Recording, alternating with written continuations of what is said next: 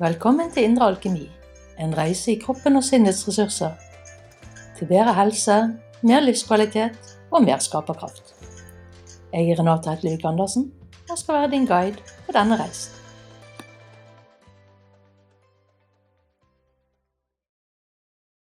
I denne episoden av podkasten tenkte vi skulle snakke om et eh, ganske grunnleggende og viktig eh, perspektiv eller tema i indre alkemi. Det er et ganske stort tema, så eh, vi får se hvor langt vi kommer på en episode. Men det dreier seg om, som overskriften sier, Shiva og Shakti, lys og mørke, form og bevissthet. Det er jo mange måter å dele inn mennesket på, men en av de som iallfall gir meg veldig mye perspektiver og nytte, er å se på mennesket som den fysiske fremtoningen, det fysiske mennesket, den formen og strukturen og det vi er her på jorden, her i det fysiske, i hverdagen vår. Og det aspektet som ikke er så synlig og ikke som fysisk, eh, men som dreier seg om det vi er som strekker seg utover denne fysiske tilværelsen eller vår fysiske kropp eller vår fysiske tilstedeværelse.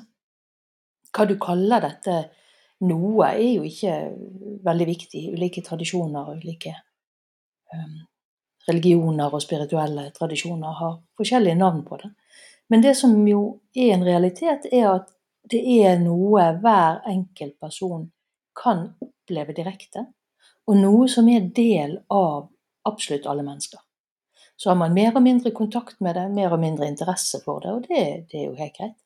Men i forståelsen av liv, helse, hvordan å skape et bedre liv, eh, hva du kan gjøre, hva som fungerer, og hva som ikke vil fungere, for å si det sånn, så kan det være veldig greit å ha kontakt med og ha det perspektivet med seg i ryggsekken samtidig når vi snakker om det. Um, jeg bruker begrepet bevissthet. Det er på én side et veldig godt begrep, syns jeg. Um, ergo, derfor jeg bruker det. Um, men på den annen side så er det òg et litt problematisk eh, begrep, fordi at det både beskriver en væren og det man kan kalle en funksjon.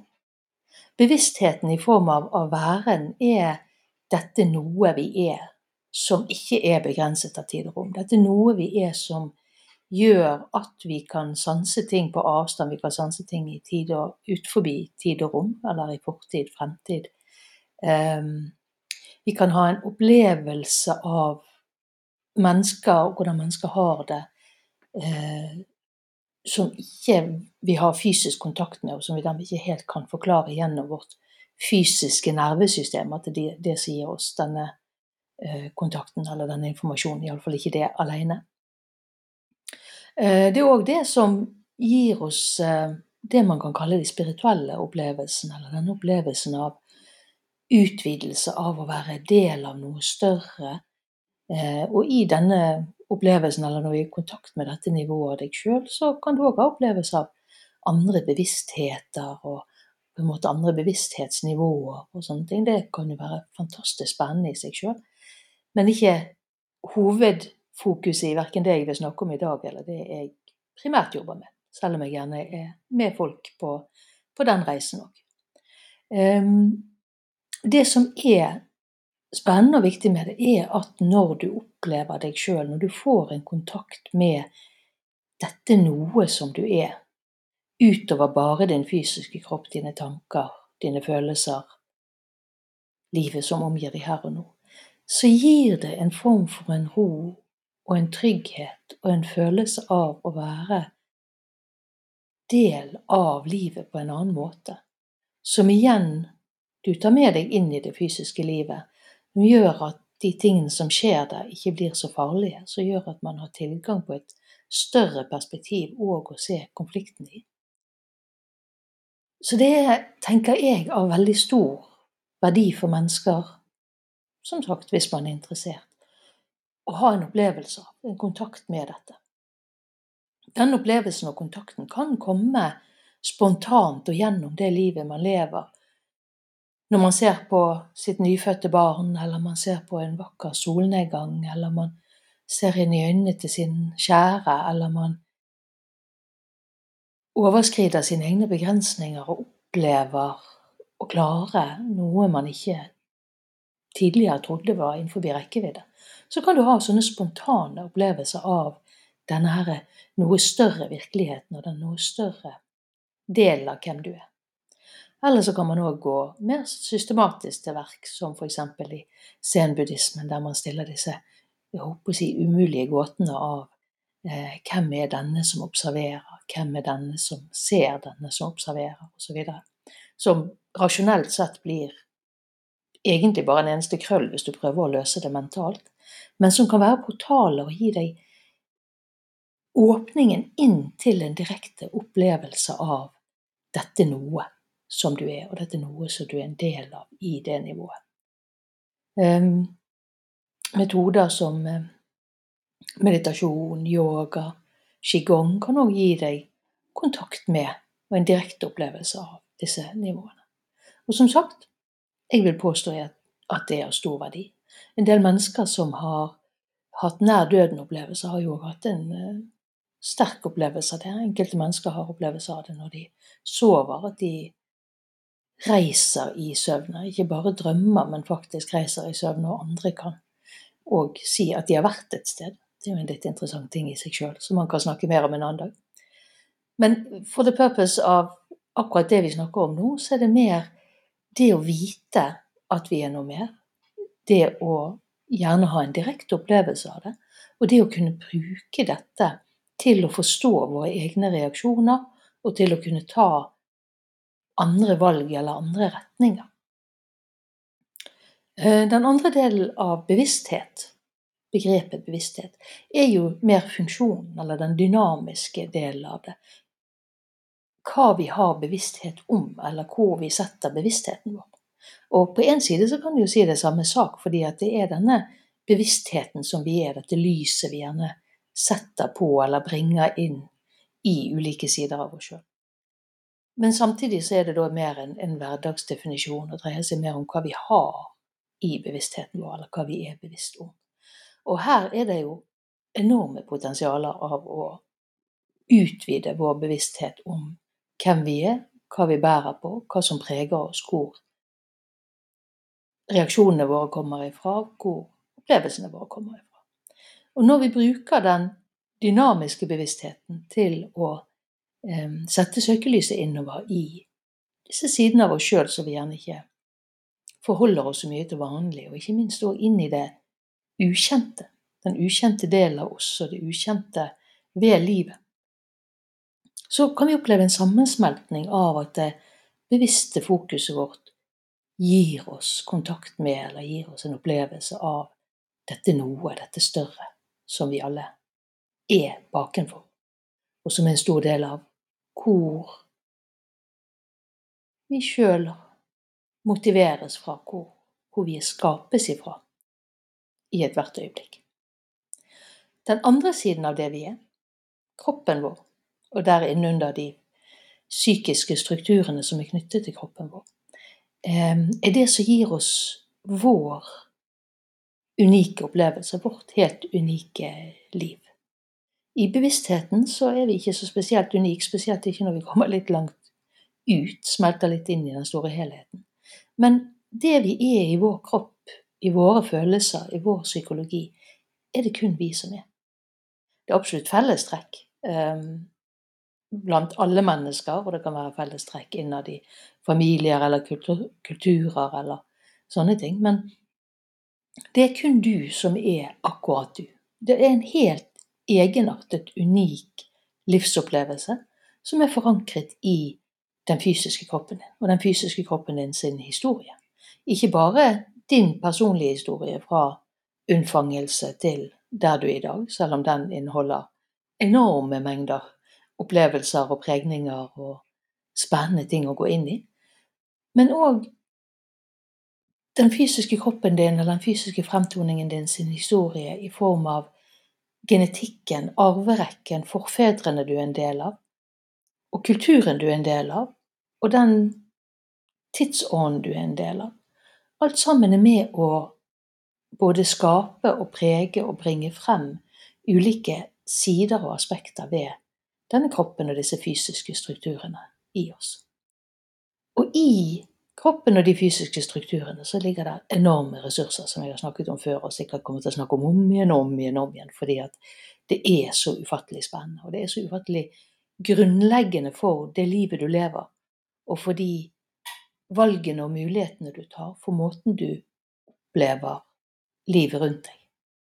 Absolutt hele din opplevelse, selv i veldig stor grad meditative opplevelser som vi egentlig kan knytte til bevisstheten vår, det som er større enn kroppen,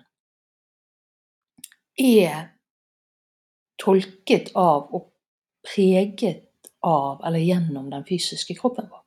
Så den fysiske kroppen vår er hele tiden til stede og gir oss opplevelsene vi står i. Og Det er veldig viktig å forstå, både i forhold til når vi opplever skader, sykdom, feilernæring, stress, andre ting som tuller med, med kjemien eller balansen i kroppen vår, og som dermed påvirker, forstyrrer vår direkte eller åpne opplevelse av livet rundt. Men det er òg veldig viktig å forstå i forhold til hva er det egentlig som gjør deg lykkelig? Hva er det egentlig du er ment til å være? Og til en viss grad òg i, i lys av ting man gjerne bringer med seg, både av evner og gaver og og utfordringer, så ligger de gjerne både preget i vår egen personlige historie, men òg i historien i familien og i forfedrene våre. Så det er et helt enormt uh, spekter å hente av der for å kunne gjøre livet rikere, for å kunne skape mer mening, for å kunne skape mer glede, for å ha tilgang på mer energi. For det som veldig ofte skjer, som vi har vært litt inne på, er jo at hendelsene vi opplever, eh, stress eller eh, ernæring eller sykdom eller sånne ting, påvirker funksjonen av organene våre, som igjen påvirker hvordan hele systemet vårt fungerer. Og for de som har gått med smerte eller sykdom eller stått i tøffe tak over lengre tid, så vet man veldig godt hvor lett det er at det blir en del av identiteten din. Du mener ikke nødvendigvis at du går med det som en sånn eh, si, banner på skjorten og, og, på en måte identifiserer deg med det på den måten. Men det tar så stor plass i psyken vår, i vår opplevelse av oss sjøl, i hverdagen vår, at det dermed blir en veldig, veldig stor del av livsopplevelsen. Og det igjen gjør at vi gjerne forsterker eller i det minste har større problemer med å komme oss ut av disse mønstrene igjen, eller å finne veiene til et større bilde, en større balanse. Og her kan jo både det å gå dypere i kroppen og historien og snu rundt på tingene der være til hjelp og være veldig, veldig nyttig til tider. Men òg det å ha, få en kontakt med, kunne hvile inn i dette noe større som vi er, bevisstheten, som jeg kalte det i sted, som da gir oss tilgang på både en større del av oss sjøl og større perspektiver på det vi står oppi, som gir oss dermed muligheten til å finne andre løsninger. Det er òg en annen side av det med kroppen vår og kroppen og psyken som jeg er veldig opptatt av og opptatt av i, i den jobben jeg gjør. Og det henger litt sammen med å ha vært i det alternative miljøet, kan man jo kalle det, i, i lengre tid. Der man har mye fokus på manifestasjon og tenke positivt, og at alt er mulig. Og hvorvidt alt er mulig? Tja Det kommer vel litt an på perspektivet du, eh, du ser det ut ifra. Når vi befinner oss i bevisstheten i det formløse så er på en måte alt mulig. Det er der alt manifesteres ut ifra og går tilbake igjen til. Og det er rett og slett bare en øyeblikks opplevelse av manifestasjon av form ut av denne bevisstheten. Men når vi først er i en fysisk kropp, så er det visse forutsetninger, visse filtre, Og helt inn i dybden av det så er det visse ting som denne organismen lengter etter å utfolde, og andre ting som den rett og slett ikke har noe investert i å utfolde eller trakte etter. Eh, og som du dermed ikke vil kunne klare å stable på beina et engasjement til å skape en endring på over lang tid. Da tenker jeg litt sånn i gaten da, for de som kjenner til The Secret og disse tingene, der man liksom skal se for seg og skape de livene man ønsker seg, og de aller fleste da helt i tråd med den kulturen vi lever i, ser for seg penger, store hus, biler, perfekt helse, et perfekt forhold osv. Og da et perfekt forhold ikke nødvendigvis ut ifra hvem en sjøl er, man går gjerne ikke dypt nok inn i det, men mer ut ifra en eller annen idé om hva et forhold skal være, eller en partner skal være. Og så er det slett sikkert at noe av dette faktisk er i kan jeg kalle det i tråd med, i resonans med det som ligger i deg, det som er dine egenskaper, og det som er det organismen i deg naturlig vil søke å utfolde. Det betyr ikke at noen mennesker eh, er dømt til å skulle være fattige eller ikke komme noen vei, eller sånt. Det er ikke det jeg sier, men det er ikke sikkert at disse her Hollywood-bildene eller glansbildene eller ukebladbildene eller i dag heter det kanskje mer Instagram-bildene, som hodet vårt kommer opp med som ideen av lykke, er det som faktisk gjør vår organisme og vår syke, og dermed òg vår sjel, hvis jeg kan bruke det ordet, lykkelig. For å finne hva som faktisk da gjør deg lykkelig, og som faktisk er mulig, som du vil på en måte få organisk drahjelp på å manifestere, så må du mer inn og kjenne hvem er du, og hva er det som det er et behov for å manifestere eller gå etter i ditt liv. Når vi snakker om dette med helse, f.eks., det er det en litt sånn tricky ting med dette med at man kan tenke seg frisk, eller at uh, alt er mulig. Uh, og igjen, i bevisstheten i de store åndelige nivåene så er på en måte alt mulig, men når vi kommer ned her i det fysiske, så har vi fysiske strukturer å forholde oss til. Uh, ting som er innpreget, som gjerne òg i en del tilfeller lagt der i generasjoner. Betyr ikke at ikke de kan snus, det er jo noe man etter hvert òg ser i eh, det vitenskapen kaller epigenetikk, og som eh, mange eh, eldre tradisjoner har visst om og brukt andre ord på, som i form av at dine handlinger får påvirkning i syv generasjoner før deg og etter deg. Det er mye av det samme forståelsen av at våre hendelser, både positive og negative, eh, preger det vi vil kalle genetikken vår, preger oss helt inn i strukturen og inn, inn i hvilke egenskaper som aktiveres eller deaktiveres i systemet. Så man kan absolutt endre veldig mye, men man kan ikke nødvendigvis endre det bare med å tenke positivt eller ønske at det skal være annerledes. Da må man kanskje ganske dypt inn, og noen ganger kan det være et ganske langt gravearbeid. Og noen ganger så kan kanskje det riktige spørsmålet være heller Hva skal til for å oppleve livskvalitet? Må vi nødvendigvis være perfekte, såkalt perfekt helse, perfekte forhold, perfekt økonomisk, perfekt på alle måter for å ha gode, meningsfylte liv?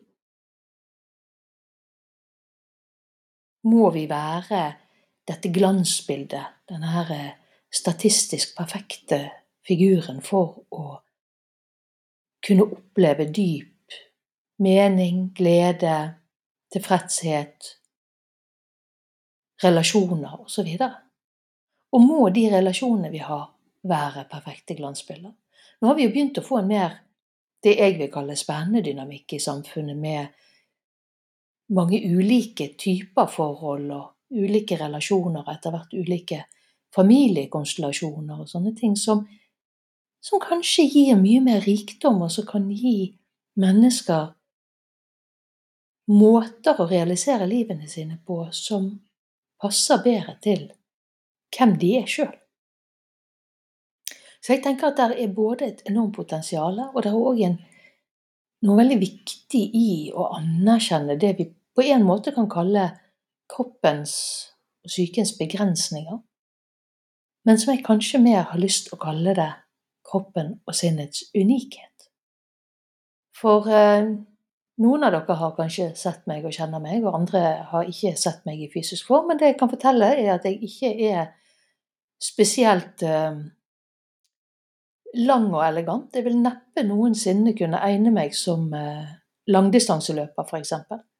Man kunne jo trent opp, men jeg ville jo aldri kunne lagt opp i eh, eliten og teten av, av, de som virkelig har de eh, egenskapene med seg. Og ikke vet jeg om jeg har psyken heller til å kunne trene på det nivået, utfordre på det nivået som, som de gjør. Men det er jo heller ikke noe som det ligger i min kropp og syke som et behov for utfolde. Men hvis jeg da skulle få det for meg, at det var idealet, og at det var det som skulle til for å bli lykkelig, så ville jeg i all hovedsak bare oppleve at jeg feiler. Jeg ville sannsynligvis kunne kommet i bedre form, jeg ville sannsynligvis kunne løpe raskere og få en bedre kontakt med utholdenheten i muskler. Det kunne vært mye, veldig mye fint å hente ut av det. Men jeg ville neppe, fordi at det ikke nødvendigvis ligger i mine egenskaper, kunne klare å nå det målet jeg har satt meg. Og det som er resultatet av det, er da veldig ofte mye smerte, fysisk, psykisk, og en følelse av å feile. Så med heller å gå inn i og se på det unike potensialet som ligger i din kropp, så har du muligheten til å finne veien til det unike livet som ligger der tilgjengelig for kropp. Og i samspillet da, mellom kropp og sinn, mellom bevisstheten og sinnet Bevisstheten er mye mer enn sinnet, men mellom bevisstheten vår og kroppen, så ligger det et enormt felt av muligheter. Av muligheter til å forstå, av muligheter til å forløse eh, ressurser. Av muligheter på å eh, løse opp i og hele ubalanser, eh, dårlige funksjoner som ligger i kroppssynssystemet. Og som igjen kan skape et enda mer utvidet og rikere liv. Så det å både forstå at vi er begge deler, det å gjerne sjøl gå inn i og ha tilgang på begge deler, og i det minste gå inn i og bringe bevisstheten inn i kroppen og i sinnet og i den unike designen som du er, skaper enorme muligheter og enorme åpninger for å skape et rikere liv, å skape bedre helse i kroppen, og å skape en større aksept og balanse med de tingene i kroppen din, i sinnet ditt, i livet ditt, som gjerne ikke er mulig å endre, eller som gjerne ikke er mulig å endre her og nå eller i korttidsperspektiv. Og ofte er det jo også sånn at når vi da faller inn i, finner ro med den vi er, og begynner å virkelig utfolde de sidene istedenfor, så får vi bare i det tilgang på veldig mye mer energi, ro, harmoni, livsglede osv. Så, dette var da den i alle fall første, og jeg mistenker at vi kommer inn igjen i dette sporet en del ganger, eh, ranten om dette her med bevissthet og form, kropp, og dette noe mer vi er. For i veldig mange spirituelle tradisjoner så sier man du er ikke kroppen din, du er ikke følelsen din, du er ikke tankene dine.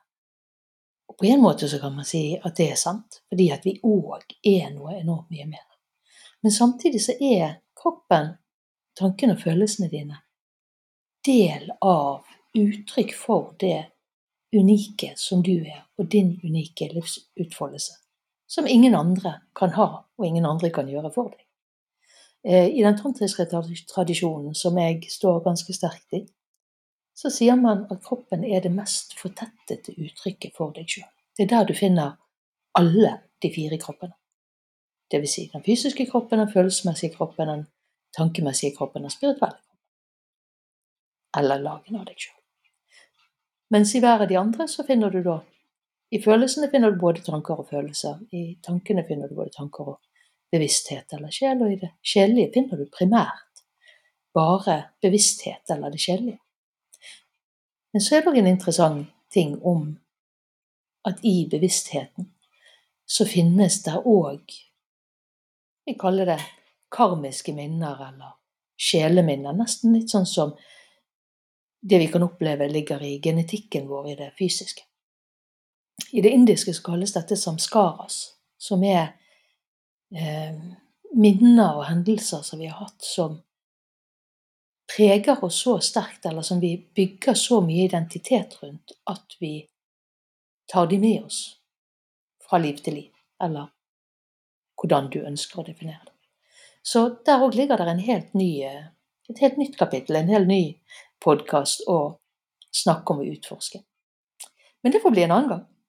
Akkurat nå så sier jeg takk for i dag, og så høres vi igjen ved neste anledning. Ha det riktig godt så lenge.